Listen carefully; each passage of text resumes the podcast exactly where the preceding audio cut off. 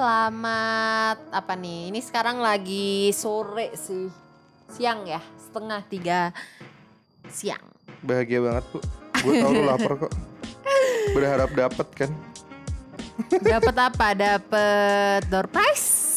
Ih apaan sih? Berharap dapet kan biar nggak puasa kan? Astagfirullah, Dari kemarin dari dua hari terakhir doanya. Aduh aku sakit perut nih sakit perut. Kayaknya pengen dapet deh. Kayak pengen dapet sambil senyum senyum gitu ngomongnya. Kalau gue sih juga berharap ya silahkan dapat tapi nanti jam 5 Kalau gue berharapnya sih jam 5 pagi. Kalau lu kan jam 5 sore, emang Iya. jahat lu. Ya lu ngambil kesempatan Dalam kesakitan. ya kan berarti sakit kan berarti nggak emang puasa. tahu haid itu sakit. Iya kan dari selama ini kalau kamu sakit head gitu kan pasti aku dicubit-cubit sensi nah itu. Iya, iya, iya. Itu Ya emang itu udah apa trademark sih di Sem- cewek ya. Semua seluruh dunia ya. Enggak sih. Ya cuma sejenisku aja kayak. Oh.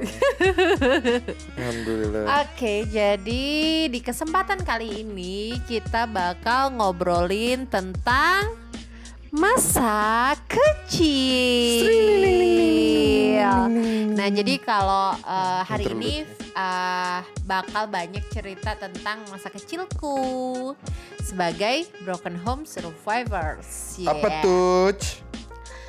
Jadi eh, karena orang tua aku berpisah dari aku kelas 4 SD gitu ya. Jadi kayak banyak banget cerita-cerita yang eh, menarik untuk bisa diceritakan. Iya iya iya banyak dieksplor ya. Iya. Karena kalau misalnya pengalaman masa kecil gua gua alhamdulillah sampai sekarang fine fine aja. Kayak di kemarin pun sempat cerita juga di beberapa episode sebelumnya kayak emang gua ya cukup aja orangnya bukan yang yang kayak kayak banget dan alhamdulillah orang tua juga masih ada dan masih sehat alhamdulillah. Jadi ya itu satu hal yang patut kita syukurin sih sebenarnya. Yes. Sangat amat kita syukurin. Ya benar sih. Eh, aku juga alhamdulillah bapak Masih sehat. masih sehat. Dan baik ke kita. Heeh, dan baik banget ke kita masih eh, komunikasi bapak bahkan sekarang tinggal sama kita juga Iya benar. terus apa ya ya paling eh ini sih ini udah banyak banget perubahan sih semenjak aku kayaknya lulus kuliah ya Pas kuliah ya. Heeh, tapi waktu kecil kayak aduh lelah Uh, gimana Bu lelah lari kelelahan gimana dibandingkan lari 20 km? aduh ini tuh lelah selelah lelahnya karena Lelah melibatkan hati. perasaan ya, lelah gitu hati gitu ya. Jadi eh, aku masih inget banget tuh Ai Eh, ada momen di mana petugas kelurahan gitu Heeh, ada yang datang Iya. eh, ngirim surat. Aku nggak ngerti sebenarnya dia petugas kelurahan atau apa, tapi tukang dia pos, kayak pakai tukang pos gitu. enggak dia Oh, pakai baju dinas gitu. Oh, nganterin Terus- satu surat itu doang. Heeh, nganterin satu surat itu dan beruntungnya hanya aku yang ada di Itu rumah emang Lelen lagi keluar gitu. lagi nggak ada- jam kerja. Oh, jam Lagi kerja. jam kerja. Ilham? Ilham mah kan main dia suka. Oh, main. Oh, itu sore kira-kira ya. Nggak siang sih, lebih ke siang Oke, gitu. kamu pulang sekolah. Aku pulang sekolah. gitu.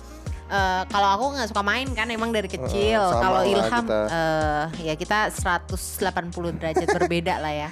Nih di Nah. kepala gue masih ada pitak nih. Iya, Karena kegigit temen. gara-gara kegigit temen. kalau gue lurus-lurus aja sih, nggak suka main. Nah, eh, jadi eh, ketika nerima surat itu, intinya si bapak itu bilang gitu, eh, ibu ibunya ada, bapaknya ada gitu kan. Terus kayak nggak ada gitu kan. Intinya masih kerja. Terus habis gitu, gue dapat surat itu, eh, surat dari pengadilan agama.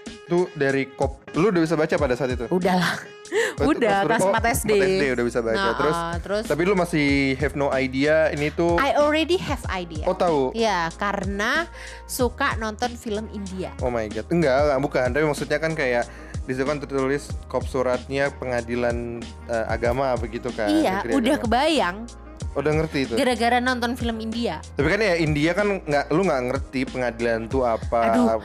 Aku tuh apa selalu nonton film India sama ibu kan. Se- pokoknya ibu pulang sekolah kita nonton film India ibu gitu. itu by the way guru ya. Iya, ibu-ibu tuh guru gitu kan. Terus eh kan kalau di film India tuh banyak eh, apa kasus-kasus perceraian gitu di Oke. film-filmnya. Jadi dari situ eh, akhirnya belajar gitu dari Oke. ibu kayak eh, Dari film India Iya, belajar dari- ya. dari fil- kayak kan tanya kan cerai itu apa dan lain Oh, sebagainya. kamu udah mulai tanya-tanya di Iya, situ. udah udah ta- Oke. udah tahu karena eh, film-film India itu gitu. Oke. Terus habis gitu eh, sampai pas ada surat itu kan ngapain nih pengadilan agama kan? Eh. Langsung aku buka suratnya terus habis gitu eh, aku baca semuanya dan aku Oh, langsung lu buka tuh ya? Aku buka, aku buka dan aku sembunyikan. Oke. Jadi surat itu sempet gak diterima sama kedua belah pihak itu selama dua minggu karena aku Oh. sembunyiin di eh, lemari gitu. lemari pakaian gitu Lemari ya. pakaian, terus baru ketemu sama ibu sih. Soalnya ibu eh, apa namanya beres-beres gitu.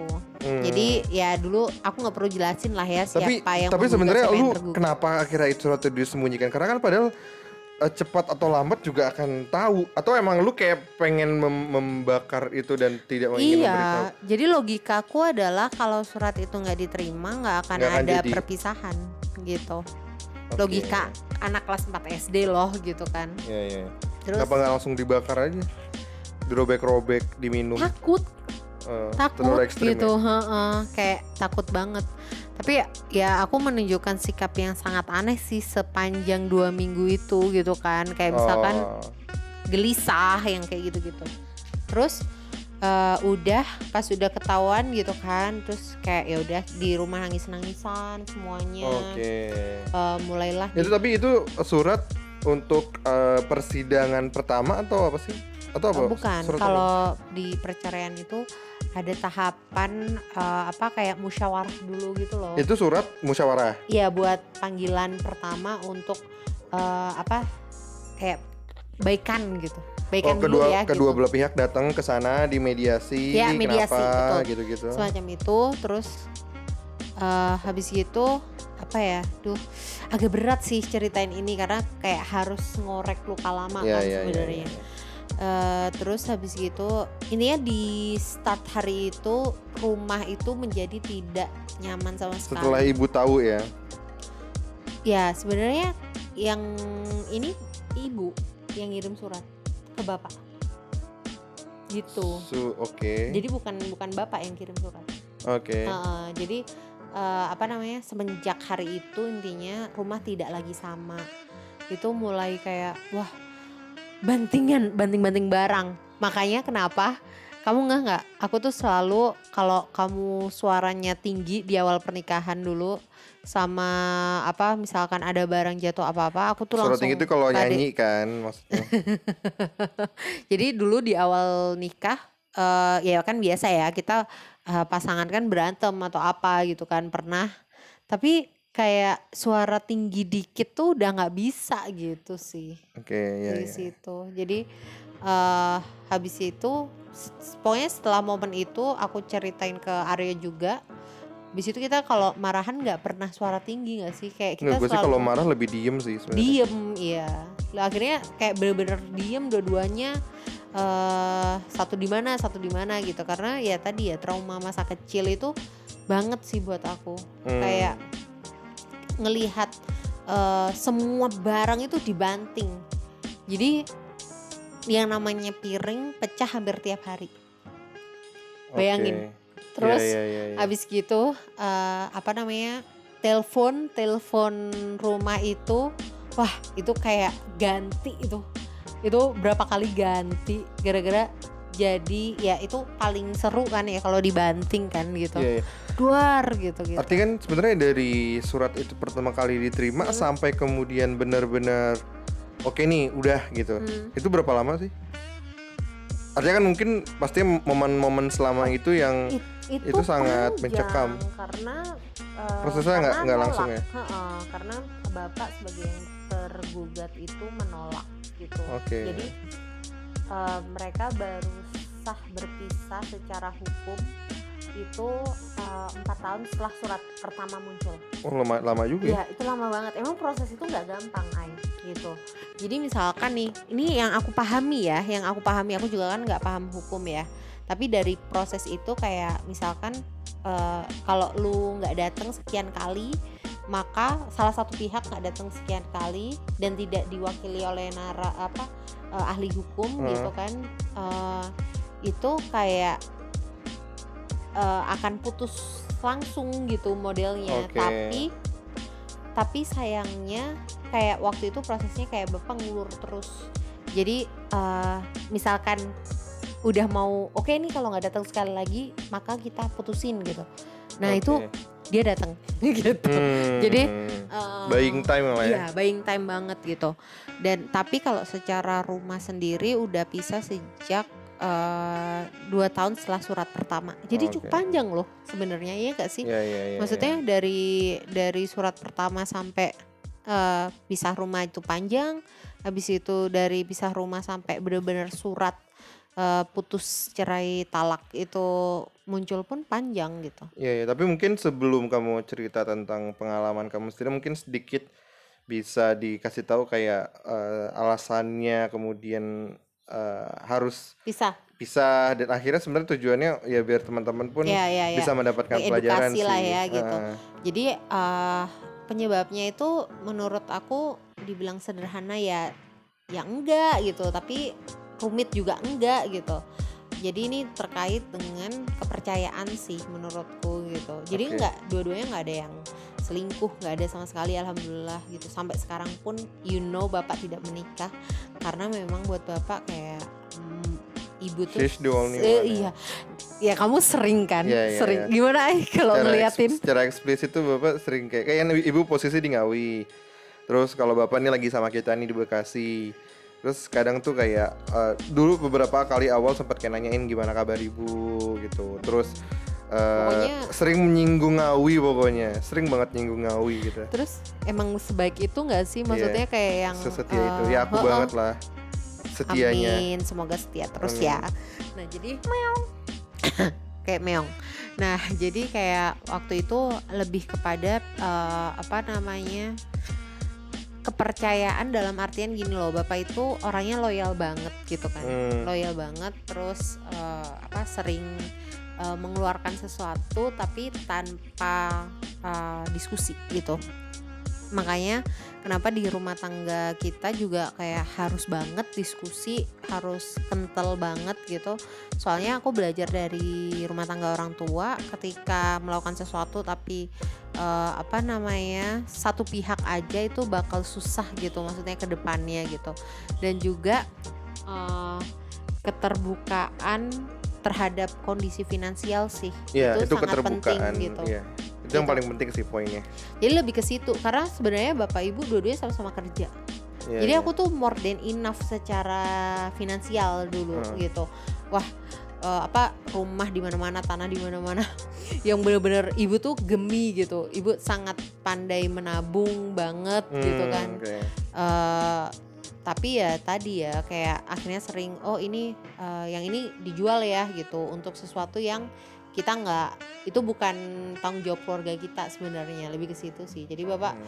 help eh, apa keluarganya banyak dan tadi nggak nggak terbuka lebih ke situ sih Jadi sebenarnya baik lagi ya, kan sebagian besar eh, perceraian itu adalah masalah keuangan. betul Dan sebenarnya masalah keuangan ini bukan melulu kayak we broke, eh, kita miskin, nggak punya duit, Enggak, terus enggak. stres, akhirnya eh, pisah gitu. Jadi intinya keuangan tuh bisa berbagai macam hal begitu. Yes. Jadi dalam konteks Alia ini bukan karena eh, kesulitan keuangan, tapi uang ada, tapi kemudian lebih kepada transparansi sebetulnya Ya. ke situ ya poinnya. ya transparansi itu yang nggak ada gitu bener-bener kayak nggak kelihatan nggak ada gitu Iya iya. iya. Nah sementara ya tadi ya ibu tuh orangnya very transparan kan model orangnya gitu jadi eh, beda gitu antara ibu sama bapak gitu sih. Jadi eh, karena itu isunya. Oke Ya, next. Setidaknya kita bisa ambil pembelajaran dari situ ya bahwa Iya keuangannya emang harus di manage bersama dan kita harus bisa saling percaya gitu. benar dan aku ngelihat ya eh, apa ibu sama bapak tuh menyesali perceraiannya sih sekarang. Iya, iya, karena iya. sebenarnya kayak sesuatu itu kalau dulu eh, apa transparan kalau dulu mereka saling komunikasi ya nggak perlu ada perpisahan gitu karena emang iya Isunya- aku yakin masih saling sayang gitu loh gimana ya Iya iya iya. Ha, sih Pasti sih. Karena emang kalau misalnya mungkin kita kayak ngedenger isunya kayak sepele gitu kan. sepele banget Karena ya intinya- tapi masalahnya dilakukan bertahun-tahun Nah iya maka- makanya itu dia. Maksudnya ah, ini kayak terkesan sepele sebenarnya tapi ketika ini menjadi gunung es begitu Mm-mm. seolah di permukaan kecil dan baik-baik aja padahal sebenarnya ada sesuatu yang terpendam dan besar karena emang Betul. sudah ditumpuk dari lama-lama hari. Dan mungkin pembelajarannya juga yang pertama selain eh, keterbukaan pembelajaran keduanya adalah kita harus eh, langsung sampaikan apa yang mungkin jadi eh, unek-unek. unek-unek kita. Yes. Di- jangan ditahan sab ya sabar oke baik. Tapi kemudian kalau sesuatu itu akhirnya tidak terselesaikan juga mending langsung diomongkan gitu sih bener itu Iya. pembelajarannya itu juga kita lakuin di rumah tangga ini gitu Iya. kayak kalau ada masalah ya udah kalau marah marah ya ada waktunya gitu ya tapi setelah marah itu tuh pokoknya hari harus- Senin sama Selasa abis itu Rabu udah ada waktu itu maksudnya gimana bu ya maksudnya kayak ya udah kalau mau marah dulu marah gitu ada waktu ya terserah nggak apa-apa marah tapi eh, at the end kayak nggak boleh lama-lama untuk recovery Iya. gitu loh. Dan emang akhirnya apa yang Alia alami ini jadi pembelajaran banget banget sih untuk kita. Kita tuh di awal ya masih awal pernikahan gaya gaya berantemnya itu masih ya gaya anak muda gitu kan. Tapi lama-lama tuh apa ya? Mulai tahun kedua kali ya. Iya, Tahun kedua gue dewasa banget sih gue ngerasain sendiri pribadi yang gue dulu orangnya ya ya bukan temperamen juga sih lumayan lah lumayan sabar dan lumayan suka marah ya gue mediocre lah Iya, untuk iya, marah-marah iya. gitu tapi kayak makin ke sini eh toh juga sebenarnya nggak nggak ada something issue yang terlalu besar juga paling juga salah naruh apa handuk Iya, iya, iya, isunya tuh kayak sepele lah kalau kita juga dan bukan isu keuangan sih lebih ke situ. Tapi kayak ya ini ini sekarang gue masih kesel nih karena Alia makan eh, buka puasa kemarin itu piringnya masih ada di depan TV. Dia nggak sadar aja dan bapak sengaja tuh kayak nggak nyuci. Jadi oke Alia inget ya. Terus kayak buka puasa Alia tuh langsung makan berat nggak makan buah dulu atau nggak santai dulu. Jadi- kayak gitu-gitu loh gue marah tuh terus ketik nih kalau marahnya gue nggak makan sayur. Nggak makan sayur terus gue tuh kayak marah aku kasih tahu gitu kan sekali dua kali di waktu yang sama terus udah udah gue diem udah gitu. Terus Ali pun sadar oh ini si Aryo marah nih baru dia melakukan apa yang gue inginkan. Iya, gitu jadi gue sih. kayak baru mau makan sayur, mau ngapa-ngapain tuh kalau ya kalau dimarahin. dia dengan marah yang kayak gitu kayak ya lucu-lucuan eh. aja, tapi seru Tapi habis itu kan. ya udah kita ketawa lagi Eh. dan so far ya memang akhirnya kita nggak ada yang marah berhari-hari sih Heeh. mungkin di awal pernikahan ada ya untuk beberapa isu Iya, gitu iya, tapi pernah, pernah. makin sekarang ini udah dewasa sangat lah. jarang banget sih Hmm, udah nggak penting palingan juga satu marah-marah. beberapa jam lah di satu hari itu gitu Iya, iya. entah habis itu mungkin baikannya kamu yang memulai dulu atau aku yang memulai dulu gitu Iya. ya gitu sih ya akhirnya kita uh, men- meng- meng- me- tidak mau jatuh di lubang yang sama sehingga ya kayak gitu sih teman-teman jadi uh, ya kalian pun juga jangan sampai jatuh di lubang dulu kemudian baru belajar ya setidaknya dari yang kita udah alamin ini kalian udah Bisa langsung belajar. bisa belajar dan mencegah itu gitu Betul. Terus Nah, mungkin ini sih kamu bisa ceritain kayak eh, masa-masa kecilmu karena emang bakal panjang banget sih sebetulnya mungkin Iya. kayak bisa dong dikasih tahu gimana how you Outline. uh, faces with the condition sebagai anak kecil yang ya lu akhirnya dewasa sebelum Iya, waktunya kan begitu. Jadi emang kan abis eh, apa orang tua memutuskan pisah itu prestasi sekolah aku turun drastis. sempat turun dulu ya. Iya, dra- Itu turun drastis. SM, kayak, kan tadi kelas 4 S, SD. sampai SMP berarti ya? oh, tapi aku SMP udah bagus, udah Oh, SMP udah recovery. Jadi eh, apa namanya aku gak, aku biasanya kan selalu tiga besar gitu-gitu kan. Sama lah kita ya.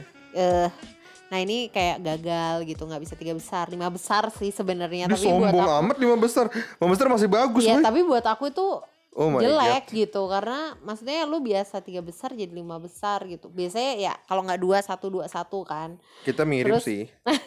Gua kalau gue yang Ya, penting semoga anak-anak mirip gue lah nanti kalau gue yang penting Nah. nggak tiga terbawah, lima terbawah aja udah syukur. Astagfirullah nah itulah bedanya nah terus eh, apa namanya eh, bener-bener yang kayak eh, apa namanya oh, lingkungan itu membedakan aku gitu. Oke. Kayak ada bahkan orang tua yang eh, anaknya nggak boleh main sama aku Oke. karena orang tuaku cerai. Aku nggak ngerti eh, logikanya gimana, tapi Ah. akhirnya orang tua itu juga cerai. Oh serius? Iya, itu Wow. selisihnya Yang yang masih melarang Iya. anaknya untuk bermain sama serius lu? Lu nggak ngedoain kan? Enggak, enggak. Enggak ngedoain sama sekali ya kan. Maksudnya biasa aja buat maksudnya Heeh. buat aku ya aku nangis pastilah ya gitu. Eh, tapi itu pun perceraiannya kayak 10 tahun setelah orang tuaku cerai sih. Oh, Emang oke. udah kayak apa dia kayak kuliah pas kuliahan gitu loh anaknya. Tapi Oke, wow. menurut aku gini sih, ini juga penting ya. Ketika ada orang tertimpa musibah, kita nggak perlu kayak eh, apa jadi tim hore untuk kayak ngecengin atau ngejekin gitu. Ya bukan tim hore itu. Apa sih namanya kayak tim julid lah ya gitu. Ya tim julid lebih tepat. itu itu jangan jangan lakuin karena kita nggak pernah tahu hal itu akan terjadi sama kita itu kapan. Gitu. Iya ya. Jadi sebenarnya kalau kita ngeliat kayak gitu, ya udah artinya kita uh, bisa mendukung apa yang kita bisa lakukan, Hmm. tapi paling minim adalah kita mendoakan sebetulnya Bener gitu. agar dia bisa lebih baik karena kan doa yang baik juga akan kembali ke kita sebenarnya yes, kan. bener banget. Terus kayak dulu itu, ya ampun, aku aku nggak paham lagi ya gimana orang bisa sumpah serapah menurut aku ke diriku Oh, dan keluarga aku kayak misalkan eh, apa namanya, oh lu eh, keluarga lu nggak baik nih. Eh, ya pokoknya ngejek yang sengejek ngejeknya gitu loh. Eh, eh, eh.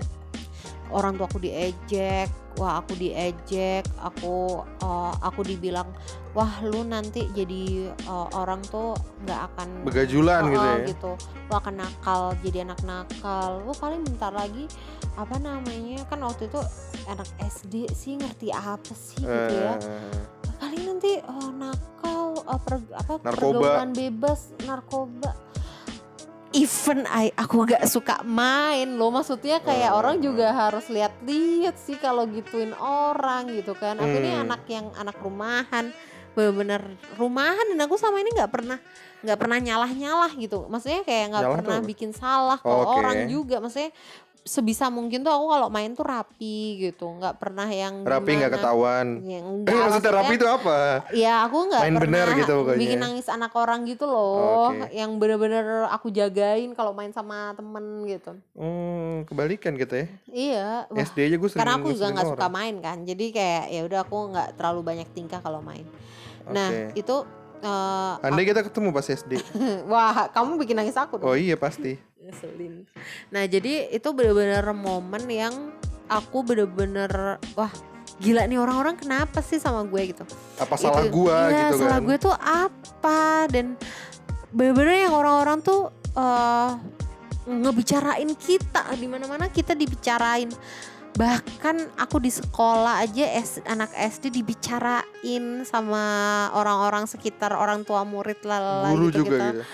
Aku nggak mau sebut sih maksudnya kayak aku ngerasanya lebih ke orang tua murid ya Oke. gitu yang aku lihat eh, ya gitu gitu kan Hmm. terus ya beberapa guru juga tanya kayak eh, bapak ibu kenapa gitu itu harusnya nggak ditanyain sih ke Oh. gue gitu kan sebagai anak SD Iya, tapi mungkin yang menarik apa yang kemudian bisa membuat kamu Hmm. kuat? Ini kita ngomongin fase SD dulu berarti Iya ya. ya Eh, apa yang membuat kamu kuat untuk ya kamu walaupun banyak orang yang akhirnya lu ini lu ini gue Hmm. gue gue nggak kebayang sih kalau mungkin gue di posisi lu mungkin gue Iya. wah lu nanti jadi anak nakal bener loh gue jadi anak nakal nih Iya, gue iya, apain rumah lu kayak gitu mungkin gue kan kayak gue laki-laki yang sebenarnya kayak gitu gitu loh. muncul ya muncul keinginan Sempet itu kayak gitu. muncul kayak aku tuh eh, apa em, mencoba untuk nakal pernah tapi nggak bisa ngerti nggak tiap kali Oke. mau berbuat nakal yang aku pikirkan itu nggak kejadian alhamdulillah gitu. Karena emang eh, apa aku nggak kepingin bikin noda di kehidupanku aja lebih ke situ sih. Ya Allah. Iya. Gue jadi kayak merasa bernoda gitu ya. nah jadi eh, apa pengennya lurus-lurus aja waktu itu. Hmm. terus eh, ya apa namanya hal yang bikin aku mencoba terlihat kuat adalah eh, karena aku nggak kepingin orang tuh semakin ngejek ngejekin aku dan orang tuaku gitu oke gitu jadi lu sih ingin menuju jadi, jadi berarti ini self motivation ya iya lebih, lebih ke situ lebih ke nggak maksudnya ada faktor eksternal atau emang lu self motivation aja enggak karena juga nggak ada keluarga nggak ada, nggak ada yang ini membantu menguatkan ya Iya, yes, ya Atau mungkin karena lu belajar dari film India itu. Iya. Nah, kamu tahu nggak? Ah, jadi mungkin nggak kayak di film India jadi- itu akhirnya ada tokoh yang baik Bener. sehingga dia oh bener Enggak, serius enggak, lu. Kalau EDTM tuh aku cuma mikir kan film India tuh banyak adegan yang orang itu ngeracun ya. waduh Tahu nggak? Kayak nggak kamu mungkin kan nggak nonton kan, tapi itu banyak eh, Aku Jin dan Jun sih. adegan-adegan yang orang itu ngeracun kalau mis- misalkan lu jahat sama gue oke gue racun gitu. Waktu itu gue kepikiran sih untuk ngeracun. Tapi ngeracun orang Iya lain ngeracun orang yang ngejekin Ngatain, gitu kan. Cuma kayak nggak dapet aja idenya gimana gitu. Untung, untung. Kayak Waduh. kan waktu itu kan nggak, aku nggak terekspos sama internet ya, kan di kampung. kayak belum banget juga deh Iya, lu SD berarti tahun 70-an ya belum sih enak aja. gue tahu kelahiran 91 woi. Nah jadi eh ya udah sih momen-momen itu momen yang berat banget iya. Eh, aku juga konsumsi antimo gitu-gitu biar kamu sempat mencoba Heeh, karena juga apa capek gitu capek banget. Tapi, tapi ya, itu terinspirasi dari mana sih? An- minum anti kan ya itu film India film. India itu film India pokoknya itu juga banyak orang bunuh diri gitu. Makanya duh sebenarnya hati-hati sih kalau ngeliatin anak-anak film Enggak, tapi India itu. maksudnya balik lagi tadi aku kan kayak pengen tahu Hmm. positif akhirnya kamu bisa terus positif aku eh, itu saya dari dari inspiringnya dari mana gitu? Ya atau kayak tumbuh sendiri aja emang aku tumbuh sendiri kali ya karena maksudnya emang anaknya dewasa gitu. Balik lagi film India tadi tidak men- memunculkan hal positif ya apa pun. mungkin mungkin ada dari sana kan ngeliatin sadar. anak-anak yang berani gitu-gitu kan. terus orang atau tuh atau mungkin ibu bisa kasih judul film India yang dimaksud? Nggak inget, Nggak inget ya, udah karena banyak. setiap hari karena itu model yang series gitu ya enggak itu kayak sekali putus sekali putus Oh, oke itu. ada Inspektur Vijay pokoknya Ah iyalah pokoknya Inspektur Vijay. Terus aku kayak film India itu kan happy ya maksudnya orang tuh Nari-nari. nari gitu kan. Jadi aku mungkin juga kebawa dari situ. Oke. Yang paling kerasa banget buat aku i- di momen-momen itu adalah eh, ini gimana caranya gue tetap bisa berdiri tegak gitu apalagi pendi- apa, secara pendidikan prestasi gue turun ini orang semakin kayak memvalidasi bahwa anak broken home pasti lu lebih jadi lebih gak pinter nanti kayak lu bermasalah itu memvalidasi itu kan sebenarnya ketika prestasiku turun. Nah tapi lu pada saat itu bener-bener tahu konsep broken home dan Nggak, bahwa nggak, nggak. gua beda Nggak, nih nggak, sama nggak, anak. nggak nggak nggak sebegitunya sih. Aku aku baru mempelajari itu setelah jalan ya gitu sambil Hmm. jalan oh ini namanya broken home Hmm. terus oh ternyata kayak gini oh ada yang sukses ada yang memang sukses anak-anaknya ada yang oke eh ya Lu belajar gagal dari, lah yang kayak lain ya. gitulah ya gitu Tapi tadi balik lagi sih gue masih amazed aja sih dan kayak nggak tahu sih ini kan uh, yang sedip ini kan kita juga jarang kayak diskusi Hmm. Iya, kan iya, sebenarnya kan. Ya maksudnya Ah. berarti lu emang uh, akhirnya bisa survive tidak ada ex- eksternal apa pun Enggak, gitu nggak ada enggak. tapi emang internal Enggak, aja. karena ya. aku nggak nggak deket sama siapa pun kecuali sama orang tua. Oke. gitu. Terus? Jadi eh, eh, keluarga juga nggak ada yang terlalu Enggak, ini teman teman mungkin teman mainmu yang teman emang teman balik deket lagi ya aku kan nggak suka main ya.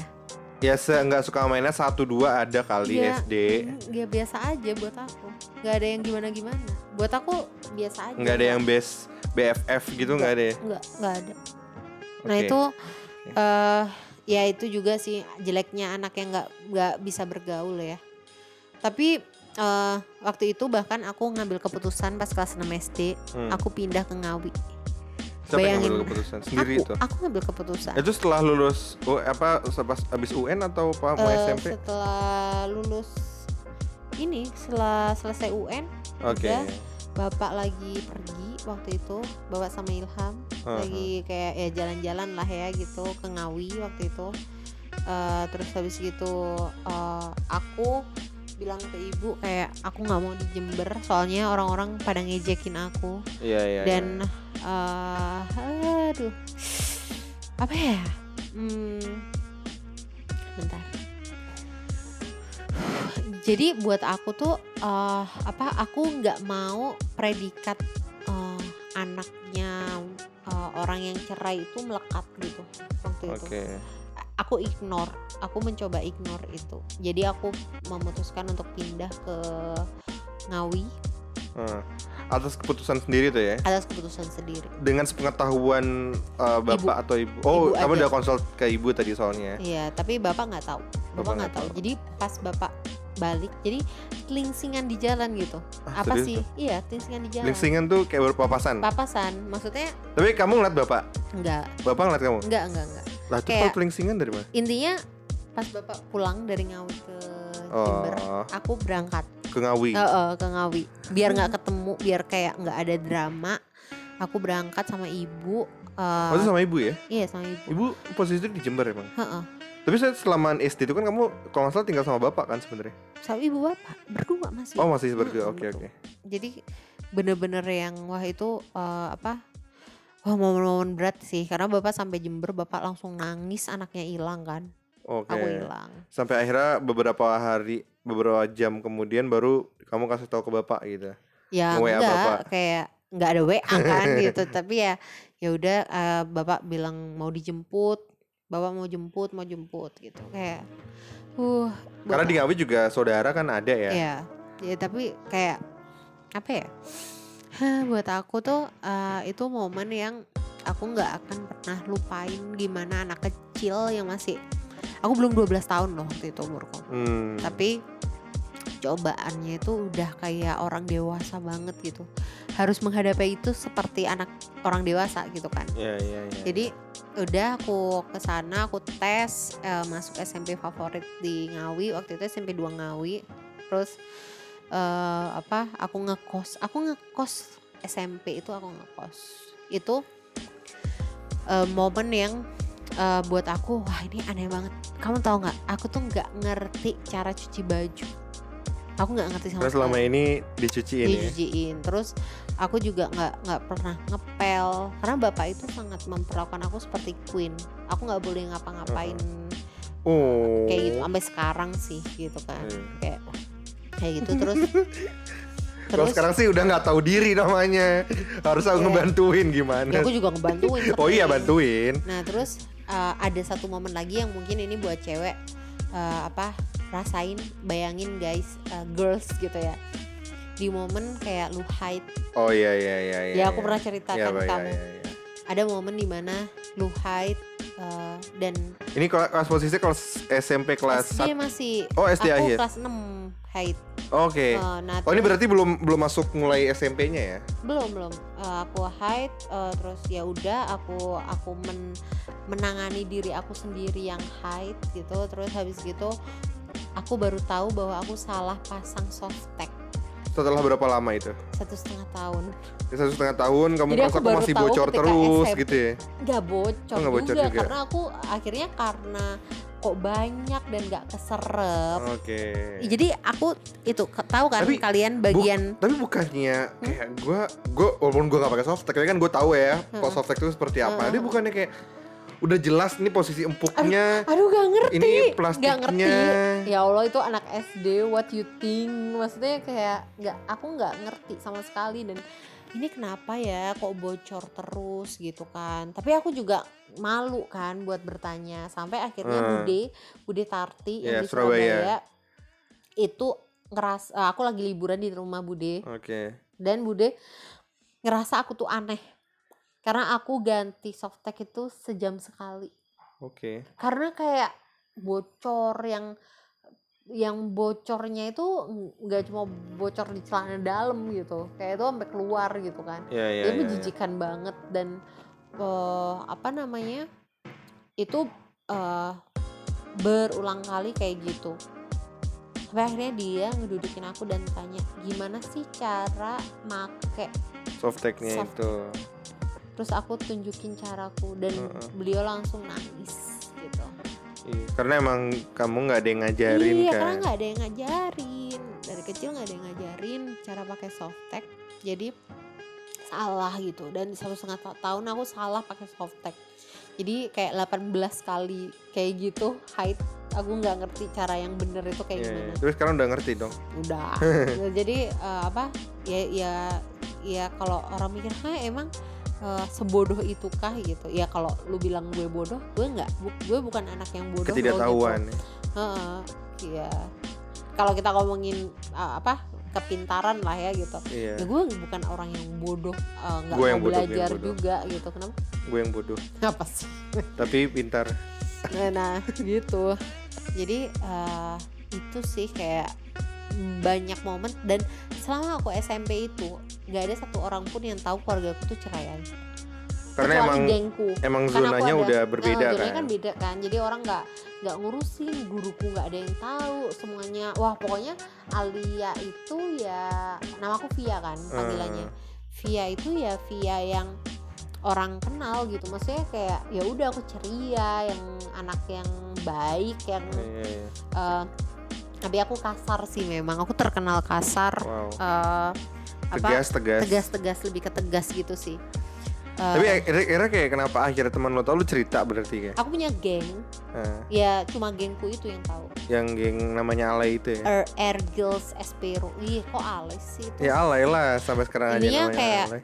Eh, teman-teman itu yang ngebantu gue untuk bangkit dan menemukan diri gue yang seconfident tapi sekarang. emang berarti lu pada saat itu eh, butuh teman untuk Ya. diskusi ngobrol Ya. akhirnya karena dari SMP kelas 1 lu ngelihat geng lu ini yang bisa dipercaya sehingga lu cerita begitu Iya ya iya iya karena kan maksudnya eh, aku kan sebenarnya nggak mau orang tahu ya lebih ke situ sih jadi eh, nggak mau orang tahu nggak mau orang kasihan dan nggak mau orang ngejekin karena Lebih udah ke- capek Udah sejak capek. SD Udah capek, orang udah banyak tahun kayak ngomongin gitu. ya ya ya. jadi eh, sebuah perubahan yang besar dalam hidupku di mana eh, menemukan orang yang nggak nggak ngurusin aku gitu kayak happy gitu kan. Eh, orang menerima aku sebagai anak yang normal Iya, dan iya, aku iya, iya. berperilaku seperti anak yang normal gitu.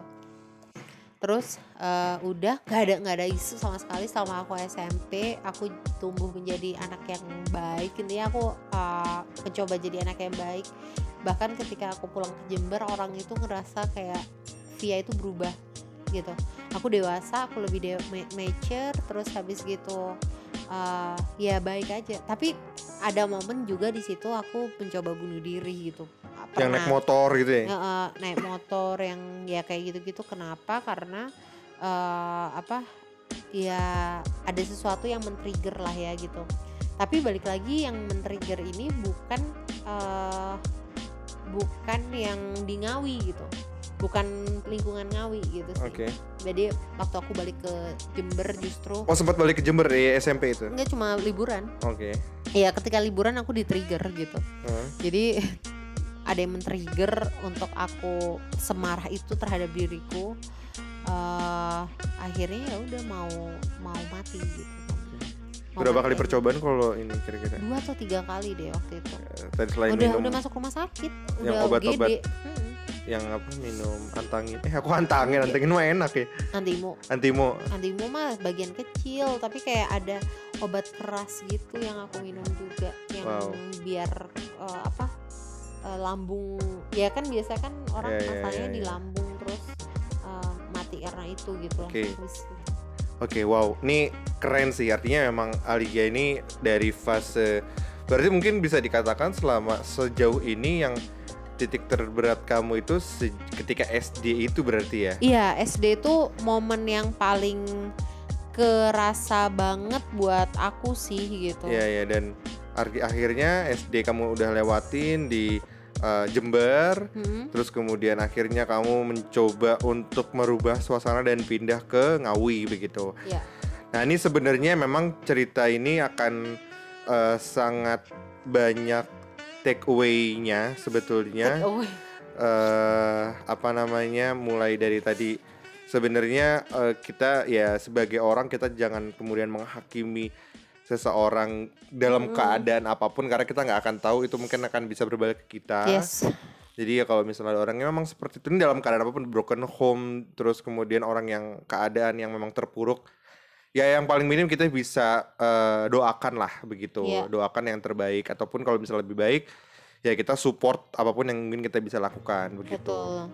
terus eh kita mungkin juga paling penting karena kondisi pada saat itu kan sebenarnya Alia nggak punya supporting system yang mendukung Iya, ya nggak ada nggak ada yang tempat curhat support atau gitu. gimana Ha-ha. jadi artinya ya Alia aja dalam kondisi itu bis- sekecil itu ya kelas 6 SD begitu kan. Seenggak mature itu sebenarnya ya itu, di, gitu. di, di sisi usia ya. Heeh, ya bisa kemudian self motivation. Iya. Tapi sebenarnya memang eh, karena ya ini yang mendengarkan gue kan orang yang udah dewasa semua kan yang udah mature begitu. Mungkin emang akhirnya kita butuh eh, orang untuk yang kita bisa percaya dan kita bisa cerita bukan untuk dikasihani tapi emang orang tuh butuh ngomong aja gitu mengungkapkan Butuh didengerin butuh didengerin gitu. gitu sih. Jadi setidaknya itu udah mengurangkan setengah beban ya paling Iya. enggak kalau udah ngobrol gitu sama orang. Tapi aku juga kerasa ya, maksudnya jangankan tetangga gitu ya. Saudara aja tuh banyak yang juga eh, apa jadi nggak baik gitu. Oke. Kayak aku Melihat berbeda ya. Iya. Aku tuh pernah diperlakukan seperti babu. Wah, babu banget lah pembantu gitu kan di rumah keluarga sendiri gitu. Yang pas SMP ya. Iya, pas SMP. Oke.